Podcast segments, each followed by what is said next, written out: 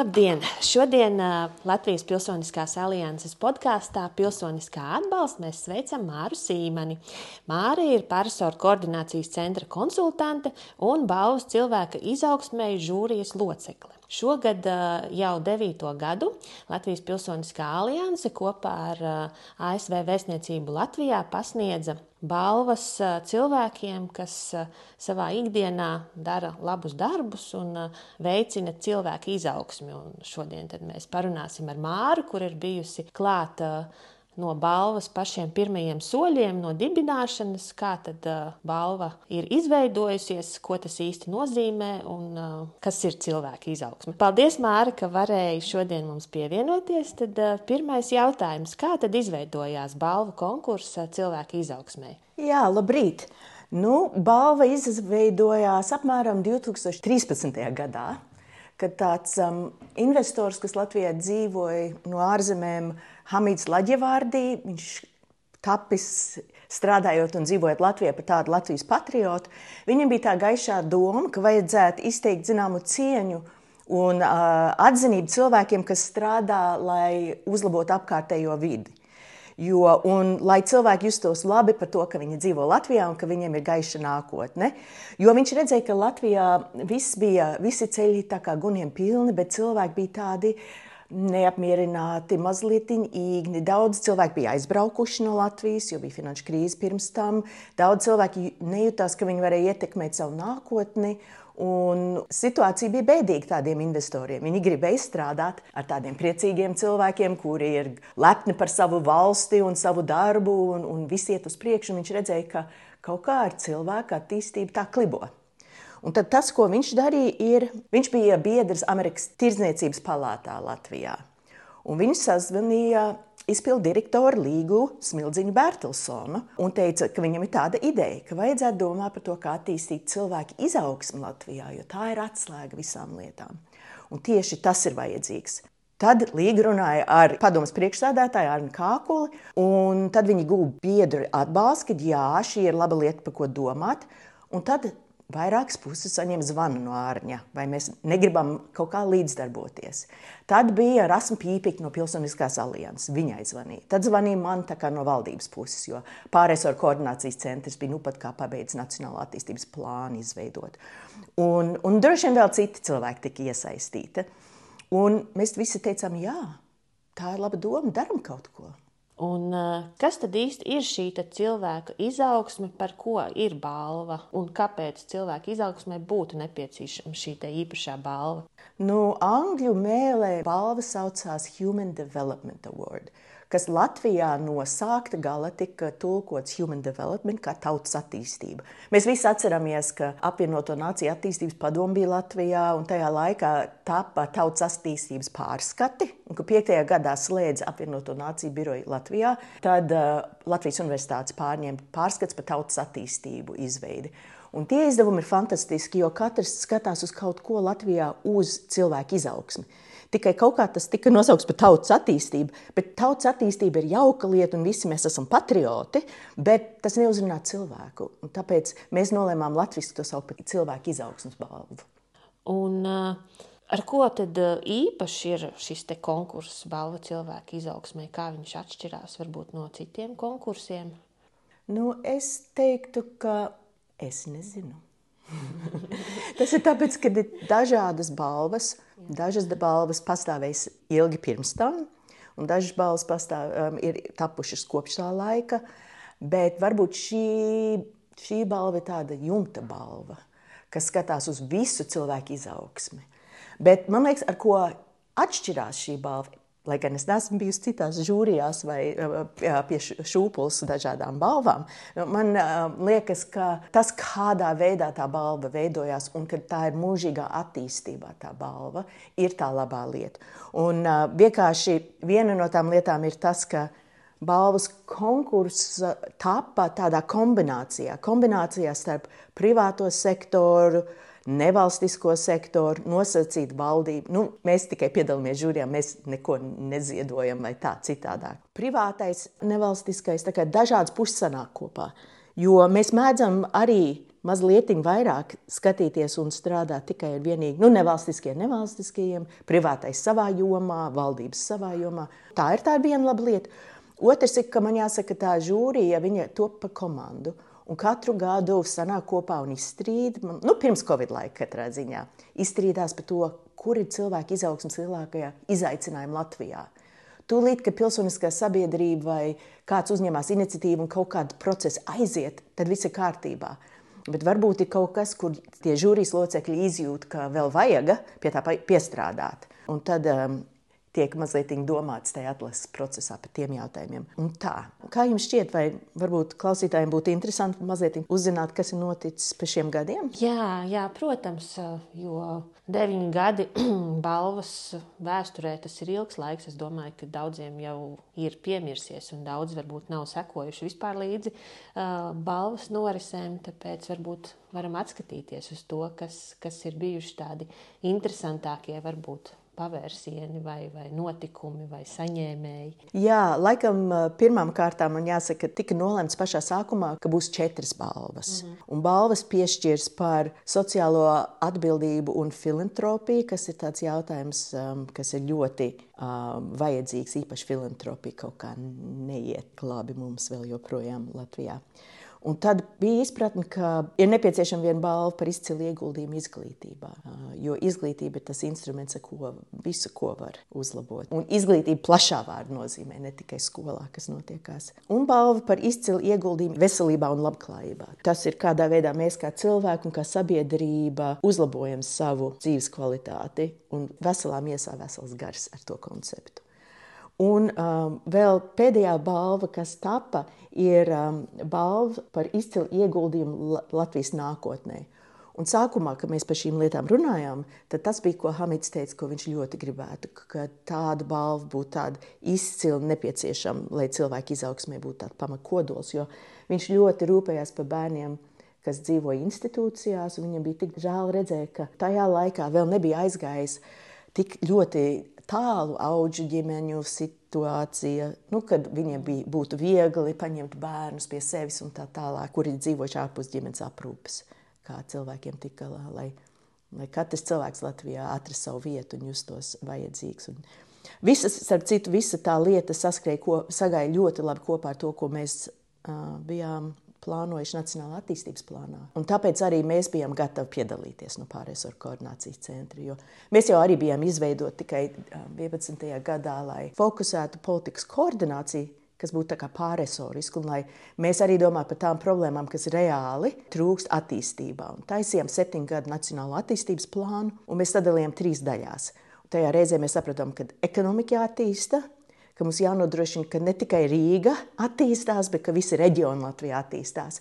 Un ka cilvēks var justies drošs piedalīties attīstībā. Jo cilvēks, kas jūtas ļoti, ļoti nedrošs un nejūt ap sevi atbalstu, nevienmēr var just, ka viņš var ietekmēt savu vidi un to nākotni. Un tas, ko Hamīds redzēja, saskanēja to, ko mēs gribējām darīt arī Nacionālā attīstības plānā. Mhm. Līdz ar to mums bija 20. gada Nacionālā attīstības plānā par veselības jomu, par to, kādā veidā uzlabot piesaisti agrīnā bērnībā, lai cilvēks jūtas droši, jo bez tās ir ļoti grūti dzīvot. Un visas tās balvas iedalījumi arī sakrita mūsu plānu, tad mēs arī bijām gatavi iesaistīties pilnasinīgi un arī sniegt savu ieguldījumu, kas bija kur no visiem pētījumiem un to, ko mēs redzam no politikas un to, ko mūsu ministrijas grib darīt, kur vēl ir tie trūkumi. Jo nu, arī valsts nevar darīt visu. Bet runājot par tiem gadiem, kādā veidā tas viss notikās. Ja? Pirmais gads bija 2014. vai ne? Kad pirmo reizi balva, balva notika. Jā, un tieši starp to 13 un 14 gadu, kas notikās, visi sanāca kopā, iepazina citus. Mēs jau nebijām nekad sadarbojušies. Katrs izteica savas domas par to, kas ir tā cilvēka izaugsme, kas ir tie izaicinājumi. Nonācām līdz tām četrām balvām un sapratām, ka vajag arī kaut ko tādu skaistu kā to pašu balvu. Un tad nolēmām, ka to Olga Šilovas um, statujas varētu dāvināt. Un iedomājieties, kad māksliniecei saka, lūdzu, parādiet cilvēci un cilvēces izaugsmi. Un viņai ir tāds cilvēka tēls ar to stāju, kas vienkārši izdveš cilvēciskumu, man tā jāsaka. Un nolēma to balvu taisīt tādu kā ļoti cēlu, ļoti, es neteikšu pompozu, bet ļoti tādu, ka cilvēks jūtas novērtēts par to, kas ir darīts. Viss notikās lielā galvenā viesnīcā. Ministru prezidents Laimdots straujam piedalījās un deva savu runu par to, cik tas ir svarīgi. No ārzemēm atbrauca bijusī ANO attīstības padomas Latvijā pilnvarotā pārstāve, arī uzrunāja visu, cik tas viss iet kopā ar tautas attīstību. Un jāsaka, lielu paldies Amerikas Tirzniecības palātā Latvijā, ko īsi un mīlīgi visi sauc par amčam. Tad uh, ASV vēstniecība principā klāja galdus. Uh -huh. Un mums jāsaka dziļi paldies tiem cilvēkiem, kas māca kaut kādā veidā savērvēt līdzekļus, un, un arī to izdarīja. Un amčām biedri principā pirka vietas pie galdiem sev un saviem viesiem, lai godinātu tos cilvēkus, kas ir kaut ko darījuši. Un principā jau ir tā Latvijā, ka cilvēki, kas kaut ko dara, jau nemēdz iet uz galvenām viesnīcām un pirkt klaunas vakariņas. Tā, tā, tas viss bija tāds interesants. Un ziedojums, ko savāca tie amčām uzņēmēji, arī gāja pa labi, lai varētu arī citus cilvēkus aicināt uz tām vakariņām. Un tā ir tā interesantā lieta par tādām labdarības lietām arī.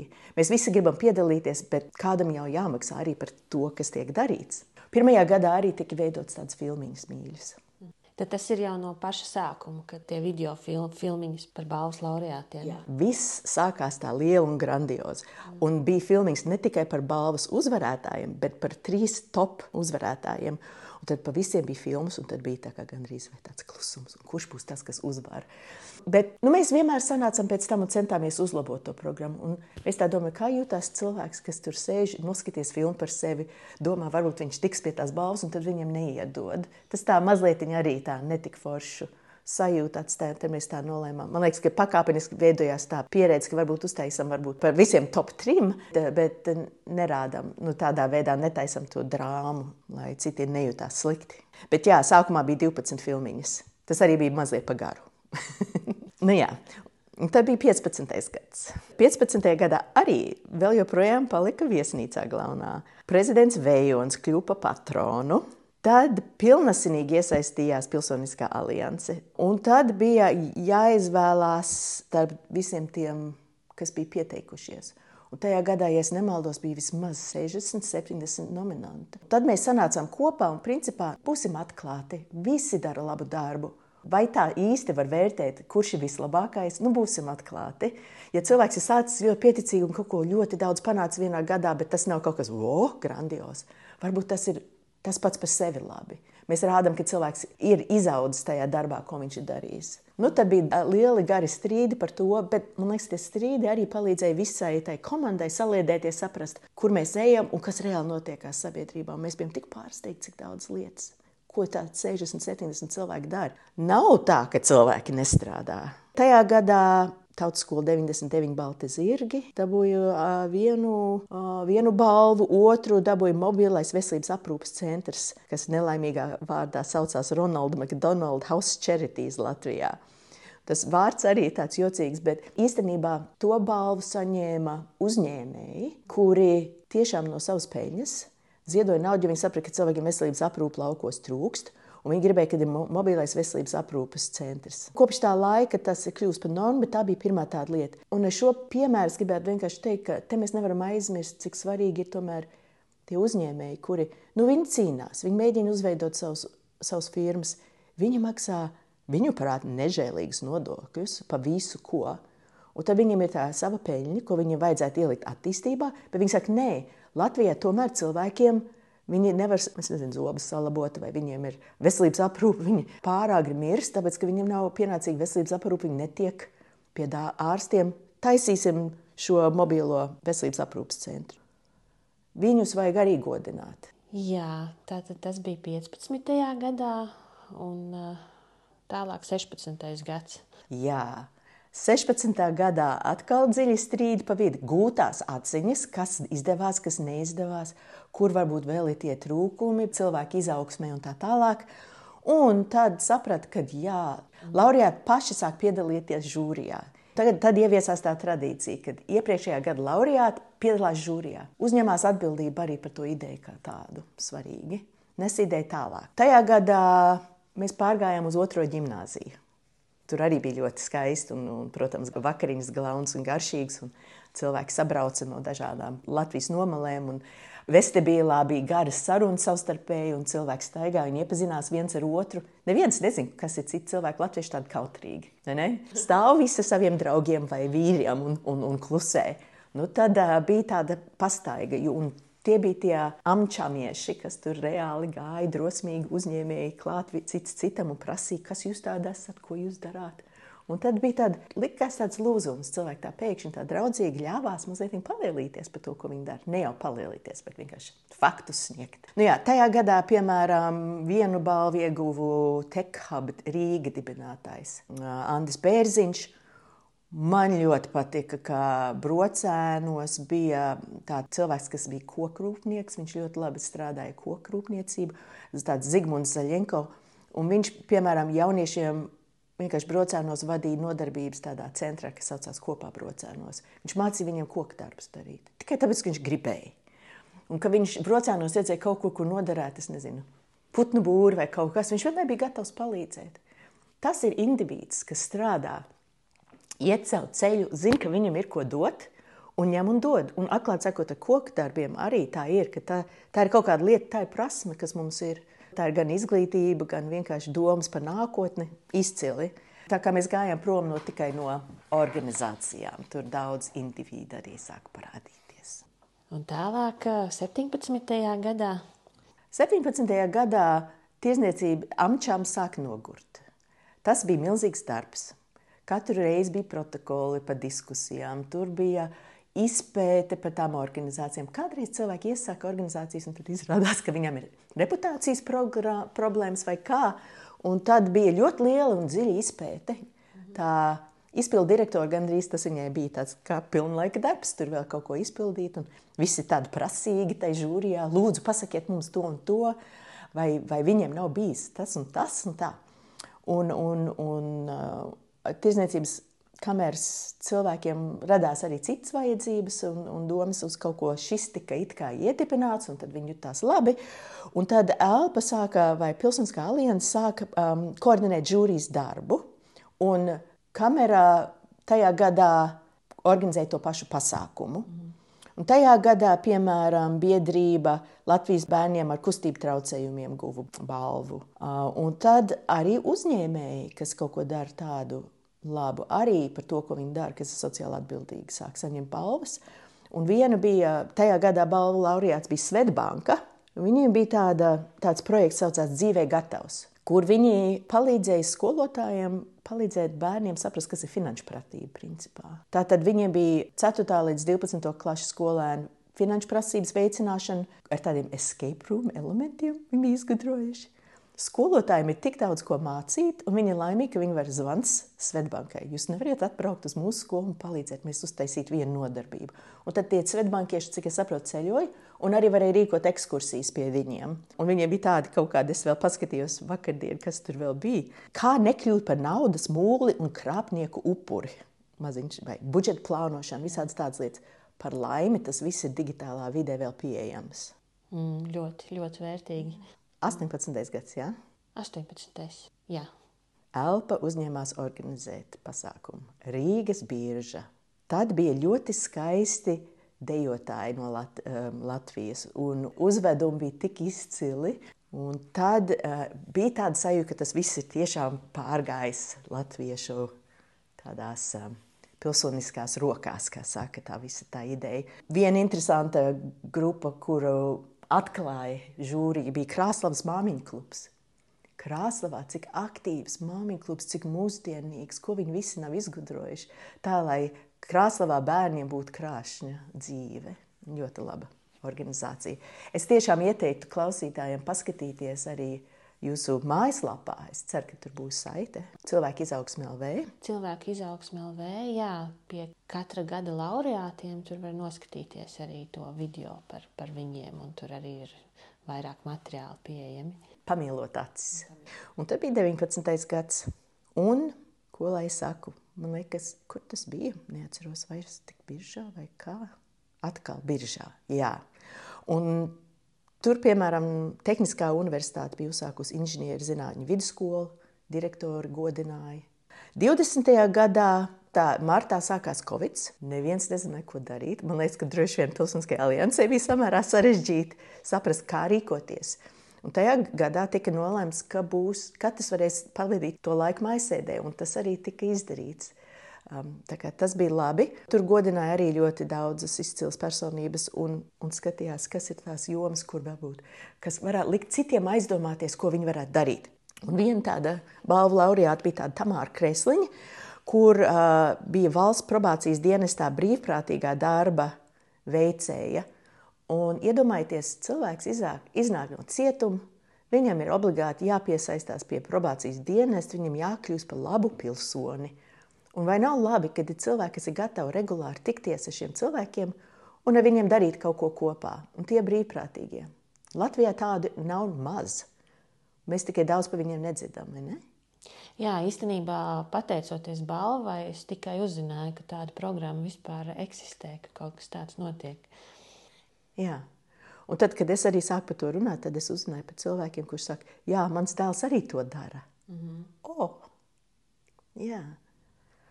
Tad pēc tam bija 21. gads, un tagad 22. gads. Respektīvi, viss iet uz priekšu. Man jāsaka, ka mazliet visā tajā ceļā mēs esam pazaudējuši tos uzņēmējus. Katrā ziņā gaidu arī šī gada žūrijas tikšanos, ka mēs varētu visu šo izvērtīt atkal, krustam šķērsam padomāt, kas ir, jo, jo uzņēmējiem nav viegli. Un arī filantropija ir kaut kas, ko mēs varētu arī stiprināt. Bet tas ir mans personīgais viedoklis. Jā, jo, jo tūlīt, tūlīt būs jau desmitā balvas pasniegšanas reize, un tad noteikti ir jādomā, kā mēs kopīgiem spēkiem varam balvu virzīt tālāk un kā, kā, kā šo attīstību cilvēka izaugsmē arī veicināt, pateicoties balvai.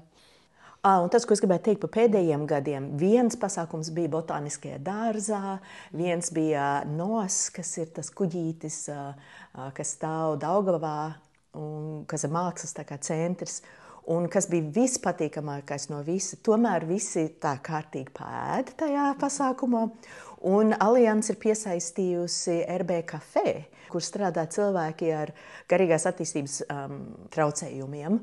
Un tas ir tik jauki. Tur ir tik interesanti vegāni ēdieni, neparastas lietas, un, un cilvēkiem acis spīd piedalīties. Arī ļoti jauki um, cilvēki piedalās arī ar mākslas uzvedumiem. Tā, piemēram, šī gadā Nosā dziedāja Ukrainiete, izmantojot savu tautas instrumentu, dziedāja tumšā nakta zaļa zāle.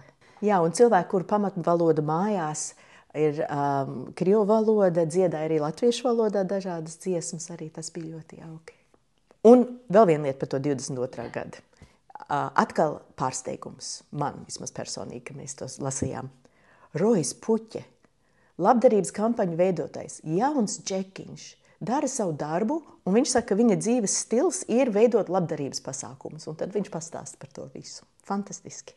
Vai tāda Iveta Pokromoviča, kur strādā ar visādiem projektiem. Nu, viņi māk redzēt, kur ir varbūt līdzekļi, lai viņi varētu atļauties darīt to, ko viņi dara. Un viņi veicina cilvēku neformālo izglītību, jauniešu dažādu. Īpaši to jauniešu, kuri citādi varbūt neizglītotos. Tā mēs izgājām cauri visiem gadiem, tādā ātrā tempiņā. Tad tāds, tāds varbūt tāds liels jautājums. Uh, Būs jau desmit gadi tūlīt, kopš, kopš balva pastāv. Kas ir mainījies Latvijā šajā laikā cilvēka izaugsmas jomā? Man liekas, ka mums bija tas periods, kas bija no tā laika dibināja to balvu. Pirms tam mums bija šausmīga trauksme valstī. Atcerieties, 8. un 9. gads finanšu krīze, simtiem tūkstoši izbraukuši no Latvijas, un, un, un cilvēki tādi dusmīgi un, un neapmierināti un ļoti, ļoti nedroši. Uh, un, uh, un tad mums bija mazliet tāds laiks, ka mums bija tāda varbūt mērena augšupēja. Nu, minimālā alga ir cēlusies. Viena no lietām, kas ļoti um, cilvēku satrauc, ir nepietiekami ienākumi un neparedz, ne, neprognoz, neprognozējami ienākumi. Tur kaut kāda stabilitāte mazliet, mazliet tomēr nedaudz palielinājās. Um, kas vēl notika? Jomā, kas ir par bērnu nabadzību. Mēs tiešām redzam, ka bērnu, cilvēki, kuriem ir trīs un vairāk bērnu, nabadzības risks šausmīgi krities pa šo laiku. Pateicoties dažādiem atbalsta pasākumiem, kas ir bijuši. Arī sabiedriskās organizācijas tajā jomā ir zel, zelušas. Un deinstitucionalizācija notikusi bērniem. Īstenībā nabadzība ir mazinājusies Latvijā. Uh, Nevienlīdzība nav mazinājusies tik ļoti, bet maz, nabadzība ir. Tā kā cilvēki varēja kaut cik vairāk tiktu vai varbūt iekrāt kaut ko. Izveidots tas NVO fonds, arī pilsoniskā sabiedrībā ļoti daudz notika. Šis bija periods, kad nostabilizējās uz kādu laiciņu vismaz NVO sektoram kaut kāds finansējums, lai sektors varētu darīt to, ko dara. NVO fonds, kas ir valsts fonds, tika izveidots un tam piešķirta naudiņa Aktīvo iedzīvotāju fondu pārņēma pilsoniskā sabiedrība, lai vadītu, kas arī ir laba lieta. Pati pilsoniskā sabiedrība saprot, kas ir jādara un iet uz priekšu. Vēl um, līderu programma attīstījās un tā tālāk. Tā kā iespēja atrast veidu, kā komunicēt par to, ko sabiedrība dara, tajā periodā, vai vismaz uz kādu laiku, ir bijusi stabila. Un um, cilvēki pat sāka atgriezties no migrācijas. Teica, ka te dzīve nav tik slikta Un tad sākās Covid laiks. Jā, tas bija milzīgs šoks visai sabiedrībai.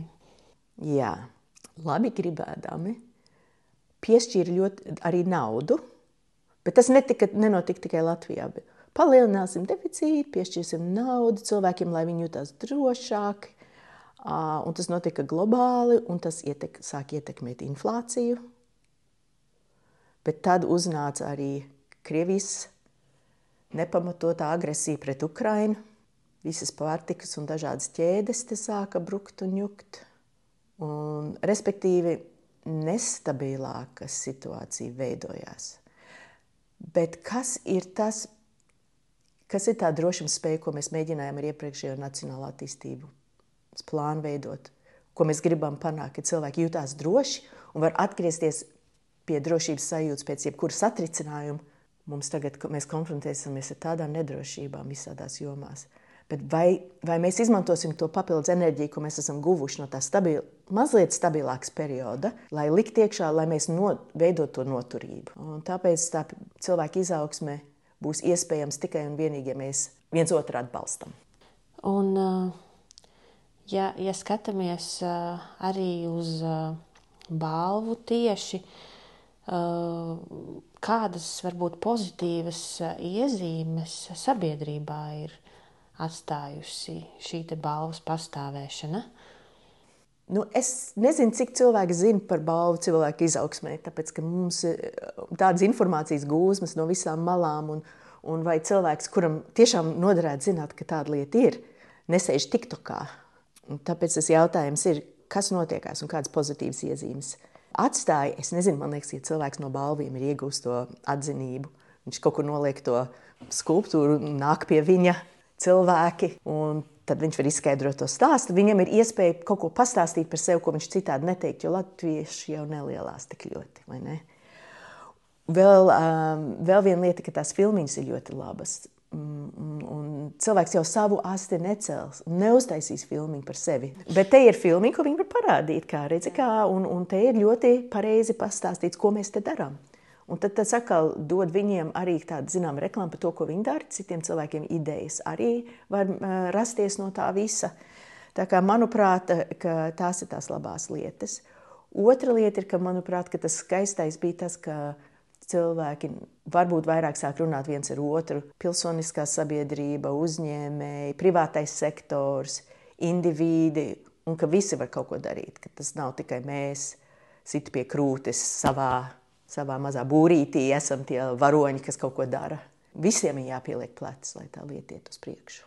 Tad atkāpjoties nedaudz no, no balvas, katru gadu tāda organizācija kā Charities Aid Foundation veido World Giving Index, jeb uh, pasaules uh, došanas indeksu, tā brīvi pārtulkojot, varētu teikt, kura pamatā ir atbildes uz šādiem jautājumiem.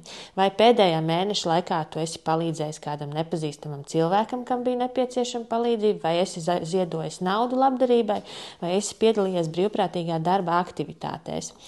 Un, uh, nesen ir iznācis arī jaunākais pētījums, kurš uh, lauka darbs ir veikts 2020. gadā, un uh, tas bija Covid laiks, uh, taču, diemžēl, tā bēdīgā ir ziņa ir tā, ka Latvijas vārds visos šajos rādītājos ir uh, beigu galā. Un, Reizēm sabiedrībā mēdz būt cilvēki, kas saka, nu kā tad mēs tagad ziedosim vai, vai kādam palīdzēsim, jo mums taču tāpat pašiem nekā nav. Bet nu, šajā indeksā atkal skatoties, mēs redzam, ka valstis, kas atrodas šī indeksa galvgalī, nemaz nav tik ļoti bagātas vai pārtikušas. Tur, piemēram, ir Nigērija, Kosova, Indonēzija.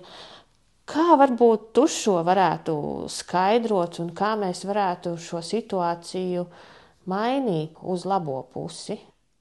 Jā, Madara, kā būtu, ja mēs skatāmies uz katru no tiem jautājumiem atsevišķi un parunājamies par to Latviju? Uh, jo kopumā, jā, viss tāds vispārīgs jautājums. Es tiešām biju šokā, ka es redzēju. Paldies par to informāciju, par šo ļoti labi jautājumi, kas uzdot un ļoti vienkārši. Būtu veselīgi mums sekot šim indeksam kā tādam. Bet es tik ļoti nesapratu, kāpēc mēs tik ļoti zem bijām, ka es atļāvos vakar piezvanīt SKDS ekspertei, kas veic aptaujas par jautājumiem, Ievai Strodei, viņa ļāvā, atļāvās prasi, um, no savas profesionālās puses, kas uzstāda jautājumus, uh, pateikt vienu lietu attiecībā uz to aptāju kā tādu. Kā mēs saprotam vārdus, vai jautājumus visi saprata? Mm -hmm. Piemēram, palīdzēt kādam nepazīstamam cilvēkam, kam bija nepieciešama palīdzība. Nu, ja pie manis pienāk uz ielas un jautā, nu, vai jūs tur zinat, kur atrodas uh, brīvības piemineklis, uh, varbūt kāds to nesaprot. Tas ir šāda veida palīdzība, vai ne? Varbūt uh, domā, ka tas ir kaut kas jau tāds liels un uh, apjomīgs darbs, kas ir jāpaveic, lai varētu pateikt, jā, es esmu palīdzējis nepazīstamam cilvēkam. Jā, un, un tieši tā, un Ieva arī teica, piemēram, atbildot uz tādu jautājumu, varēja, ko varbūt darītu vietējā aptaujas organizācija. Teikt, um, vai jūs esat kādreiz palīdzējis kādam nepazīstamam, cilvēkam, piemēram, tādam, kas nav tavs radinieks? Vai kaut kādā veidā uz papildus teikumu? Tā kā precizēt to jautājumu. Jā. Uh, un attiecībā uz to palīdzēšanu citiem, man liekas, ka, kā es runāju par to nestabilitāti, man ir tāda sajūta, ka tā nestabilitāte, kas mums ir, mēs esam sakrājuši to enerģiju par to mazo, mazo lodziņu, ka bija tā stabili, stabilāka situācija. Un vēl mums veidojas tā jaunā paudze, un vēl mēs vienkārši saprotam, kurā mirklī ir jāpalīdz un kurā nav. Un to vienmēr esam darījuši. Uh, Un, piemēram, vienkārši, ja mēs skatāmies, kas notikās ar Covid, paliec mājās. Paliec mājās, arī saņem spēcbalvu. Tas bija pasākums, kur e, nevalstiskās organizācijas saprata un cilvēki saprata, ka vajag palīdzēt tiem cilvēkiem, kas bija mājasēdē, kur varbūt netiek ārā un kur slikti jūtas. Un, un man liekas, ka tur, tur bija ļoti daudzi cilvēki, kas vienkārši gāja un palīdzēja citiem, pienesa uh, cilvēkiem, varbūt vecāku gadu gājumu cilvēkiem, kur nezināja, kā pasūtīt attālināti savu pārtiku, atveda pārtiks maisiņus un uzkarināja uz durvīm. Atceramies tās lietas. Jā. Pilnīgi svešiniekiem palīdz. Otra lieta ir paskatieties kopš Ukraiņas karu, kā ir mums, man liekas, atvēries kaut kas, kādi čakras centri, kā tagad saka, vaļā, kad cilvēki palīdz viens otram. Paskatieties, grib palīdzēt bēgļiem un visas tās pārējās organizācijas. Katrs, kas, katrs, kas māca adīt, ada iemet pastā zeķes, sūta prom džekiņi, kur varbūt ir kā stereotips, varbūt ne, domā tikai par savi, sevi vai saviem darbiem, vai kā, meklē mašīnas, ko labot un sūtīt pāri robežai. Viss notiekās. Mm -hmm. Tā kā tam kaut kādu stimulu vienkārši ir vajadzējis, lai, lai pam pamodinātu sabiedrībā to vēlmi, vēlmi palīdzēt. Jā, un es neteiktu, ka visā tajā laikā, pēc tam, kad Latvijā neatkarību, cilvēki nepalīdzēja viens otram. Bet padomā, kāda milzīga pārmaiņas mums bija. Mēs mainījām pilnīgi visu. Iedomājieties, pirms tam visas lidmašīnas lidoja uz vienu pusi, tagad viņas lido uz otru pusi. Vienu valodu zināja, otru nē, vienu grāmatvedības programmu zināja, tagad jāpārmaiņa grāmatvedības programma. Viss tā enerģija, kas bija jāieliek pārējā uz, uz Eiropu, arī milzīgs enerģijas daudzums. Mm, cilvēki tika pie saviem savu zemīti zemnieki, tad viņiem bija jāsaprot, kur tiks pie tehnikas. Un, nu, viss tas nav bijis tik viegli. Starp citu, man liekas, ka vispār visa lauki ir to, tā vien balstīti uz to, ka viņi palīdz citiem. Vienam cilvēkam ir pumps, ko var iztīrīt aku, un viņš dalīsies ar visiem, kam vajag, kamēr strādā tas pumps. Bet kas bija tas nākamais? Tur bija trīs jautājumi. Jā, bija par ziedošanu labdarībai, bet eh, nu, to arī man liekas, ka mēs pēdējā laikā arī kaut vai ziedošana pieminekļu nojaukšanai vai visi šie ziedojumi Ukrainai, ka nu, cilvēki ziedo. Jā, man liekas, ka arī pirmkārt neaizmirsīsim ziedojumus graudā.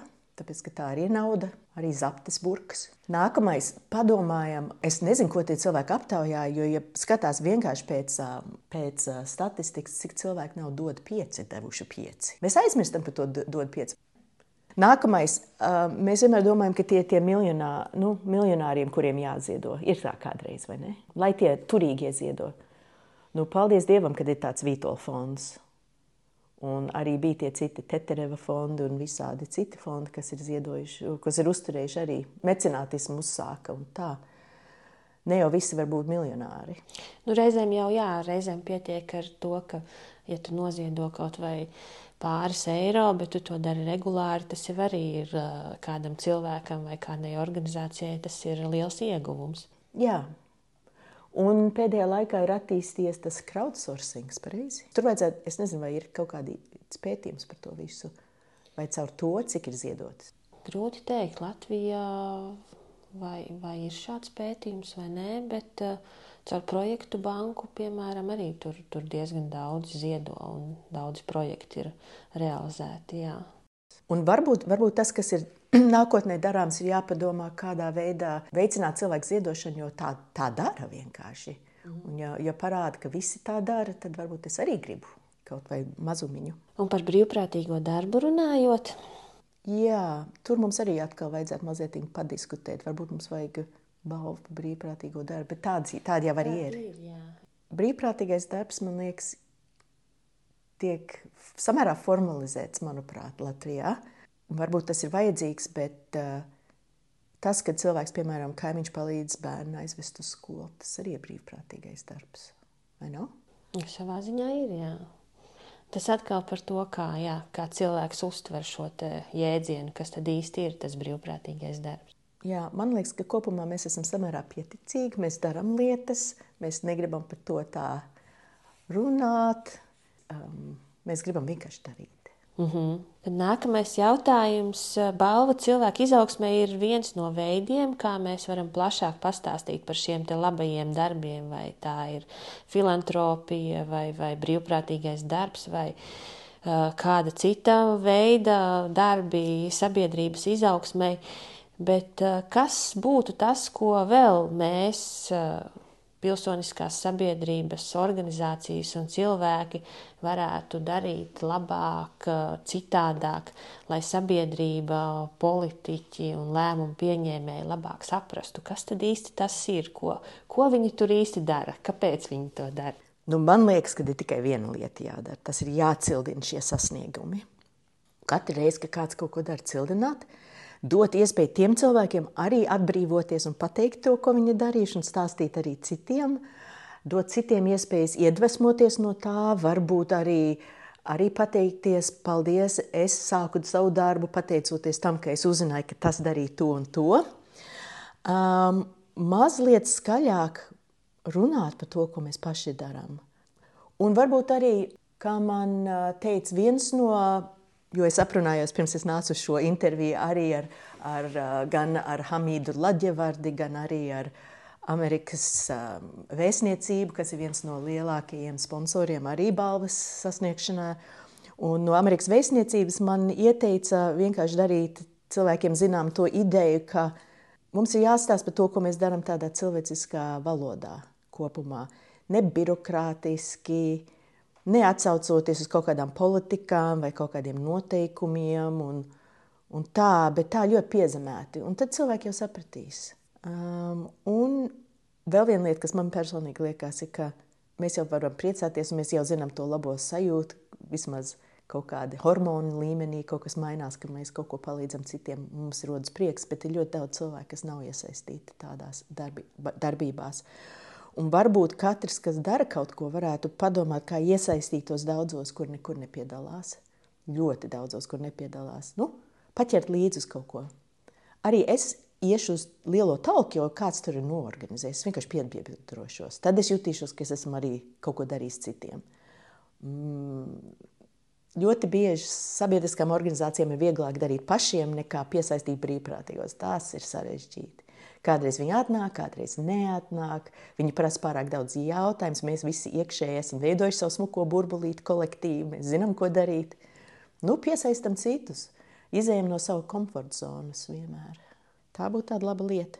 Un vēl man liekas, ka tas viss ir jāizrunā visiem tiem žūrijas locekļiem un nākamajiem un tā, varbūt nebūtu slikti uztaisīt tādu vienu sajietu visiem tiem balvu laureātiem, prasīt visiem kopumā, uz ko mēs ejam un kur, ko vajadzētu darīt. Jo tie ir tie cilvēki, kas ir reāli strādājuši, smagu darbu. Nepavēlti viņi dabūjuši šīs balvas. Kā viņi redz, kā tas viss notiekās un attīstās kurā mirklī mums vajag likt mieru un teikt, ka darbiņš padarīts. Jā, šī ir laba doma. Un uh, sarunas noslēgumā tāds uh, nedaudz neformālāks jautājums. Uh, vai tu varētu pastāstīt kaut par uh, trīs uh, podkāstiem vai trīs grāmatām, kas tevi pēdējā laikā ir uh, iedvesmojušas un ko tu, ko tu varētu gribētu ieteikt mūsu klausītājiem? Man jau liekas, ka traki daudz informācija tiek mums visiem mesta virsū, un mums ir tāda kārdinājuma likt no vienas lietas uz otru, kur kaut ko uzzinu, un jo vairāk informācijas, jo labāk, un tad es noguris, absolūti noguris. Un tas man, kā ļoti zinātkāram cilvēkam, vienmēr traucē, ka es nevaru trīs ceturdaļas, kur nu vēl kaut kāds cits ir ieteicis, bet, bet es esmu atradusi vienu triku, ko man parādīja viena draudzene, kā, piemēram, ja uzrakst Google LR arhīvs, tas ir Latvijas radio arhīvs, var atlasīt savu mīļo radioprogrammu. Es jau neklausos radio pa dienu. Piemēram, Latvijas radio viens, paskatīties, un viņiem tur ir apraksts par to, kas ir tajā nezinām, zināmais, nezināmajā, un kas, un kas, un kas bija tā ļoti ātri. Un var piespiest pogu un noklausīties, ka iet pa, pa ielu vai kā to raidījumu, kas sev interesē. Nav visu laiku jābūt pieslēgušajam, nav jāskatās, ko viņi paši ir atlasījuši kaut kādā LSMLV replējā vai kā. Un, un, un tā, tas ir labs veids, kā tikt pie kaut kādas informācijas, kas pašam interesē, un arī uzzināt, ah, varbūt man vajadzēja interesēties par kaut ko citu. Tā ir viena lieta. Otra lieta ir, ka es jau domāju, ka cilvēkiem liels noslēpums, un varbūt, lai laustu stereotipus, es ieteiktu palasīt divas skaistas lietas, ko pārējošo koordinācijas centrs ir palīdzējis uzcept. Un tas viss ir noticis sadarbībā ar sabiedrību. Un viens ir, jūs smiesieties, saucās Nacionālais attīstības plāns 2027. Viņš nemaz nav tik garlaicīgs un savs. Bet, ja es gribu saprast, uz kā mēs kopā ejam, palasīt var. To tā kā lasīt var, un es ieteiktu nevis skatīties kaut kādas tur tos īsos, kur tie buletiņi parādās, bet pa, paša tekstu palasīt. Un īpaši, ja ir kaut kāda joma, kurā gribās strādāt, un tad paskatīties, ko it kā valsts domā, kas ir jādara. Bet tas, tā nav valsts, jo pusgadu garumā bija darba grupas, kurās strādāja visādi pilsoniskās sabiedrības pārstāvji, politiķi, institūcijas un izveidoja to Nacionālo attīstības plānu. Tas ir viens. Otrs. Pagājušajā gadā Izglītības un zinātnes ministre aizbrauca uz Ņujorku un ziņoja par ilgspējīgu attīstību. Un ir tāds smuks ziņojums, Latvijas ziņojums ANO par ilgspējīgas attīstības mērķu ieviešanu. Varbūt kāds varēs um, pārmest kaut kādu birokrātisko pieeju vai atsauci uz politikām vai kā, bet tur bija tiešām mēģinājums ļoti vienkāršā valodā pateikt, kas ir izdarījis laikā no līdz 20. gadam, vienkāršā valodā, 17 jomās tur, Un kas ir paredzēts līdz 27. gadam, kur ir izaicinājumi un kāda labās prakses piemēra. Un, piemēram, attiecībā uz veselību, viens labās prakses piemērs ir tas, kas tiek darīts Kalāčos. Kalāči ir Edvards Veidenbauma muzejs. Tas var būt A vai arī A, jo kurš grib par Veidenbaumu domāt, var būt. Bet Veidenbaums īstenībā viņš bija modernists senos laikos. Viņš, viņš bija jauns čekiņš, viņš ļoti, ļoti agri. Viņam bija ļoti liels strīds ar saviem vecākiem. Viņš bija ideālists, viņš gribēja tādu ļoti tādu citādu sabiedrību, viņš par to skaļi runāja. Viņš veidoja tādas dzējas, ko neviens varēja saprast.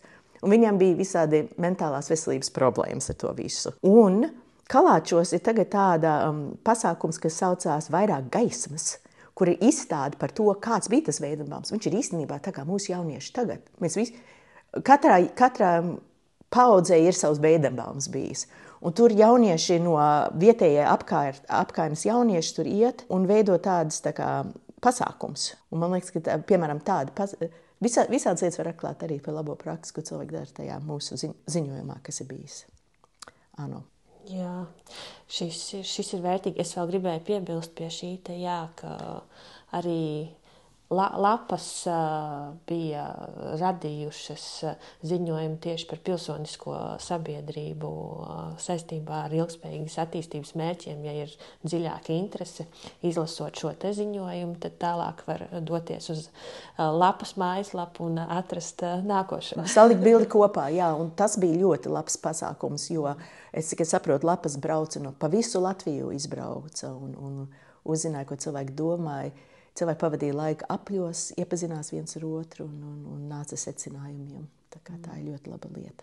Un pēdējais ir atkal atkārtoto ideju par to YouTube video par balvu laureātiem, kas ir www.cilvēkizaugsme.lv slīpsvītra laureāti. Un, ja gribās vispārējo, tad izsvītrot slīpsvītras un paskatīties cilvēku izaugsme.lv. Tur ir viss par šo balvu. Tieši tā. Paldies, liels Māri, par sarunu. Varbūt ir kaut kas tāds, ko es vēl neesmu pajautājusi, bet gribētos pateikt noslēgumā. Nē, paldies, paldies par iespēju pastāstīt par to balvu. Un, un man liekas, visu uh, žūrijas locekļu vārdā un sponsoru vārdā arī jācer, ka tā balva turpinās iet uz priekšu, ka mēs iesaistīsim dažādas puses un turpināsim atklāsim par to, cik uh, mūsu sabiedrība ir spējīga uz izaugsmi. Jā, cerēsim. Lielas paldies par sarunu!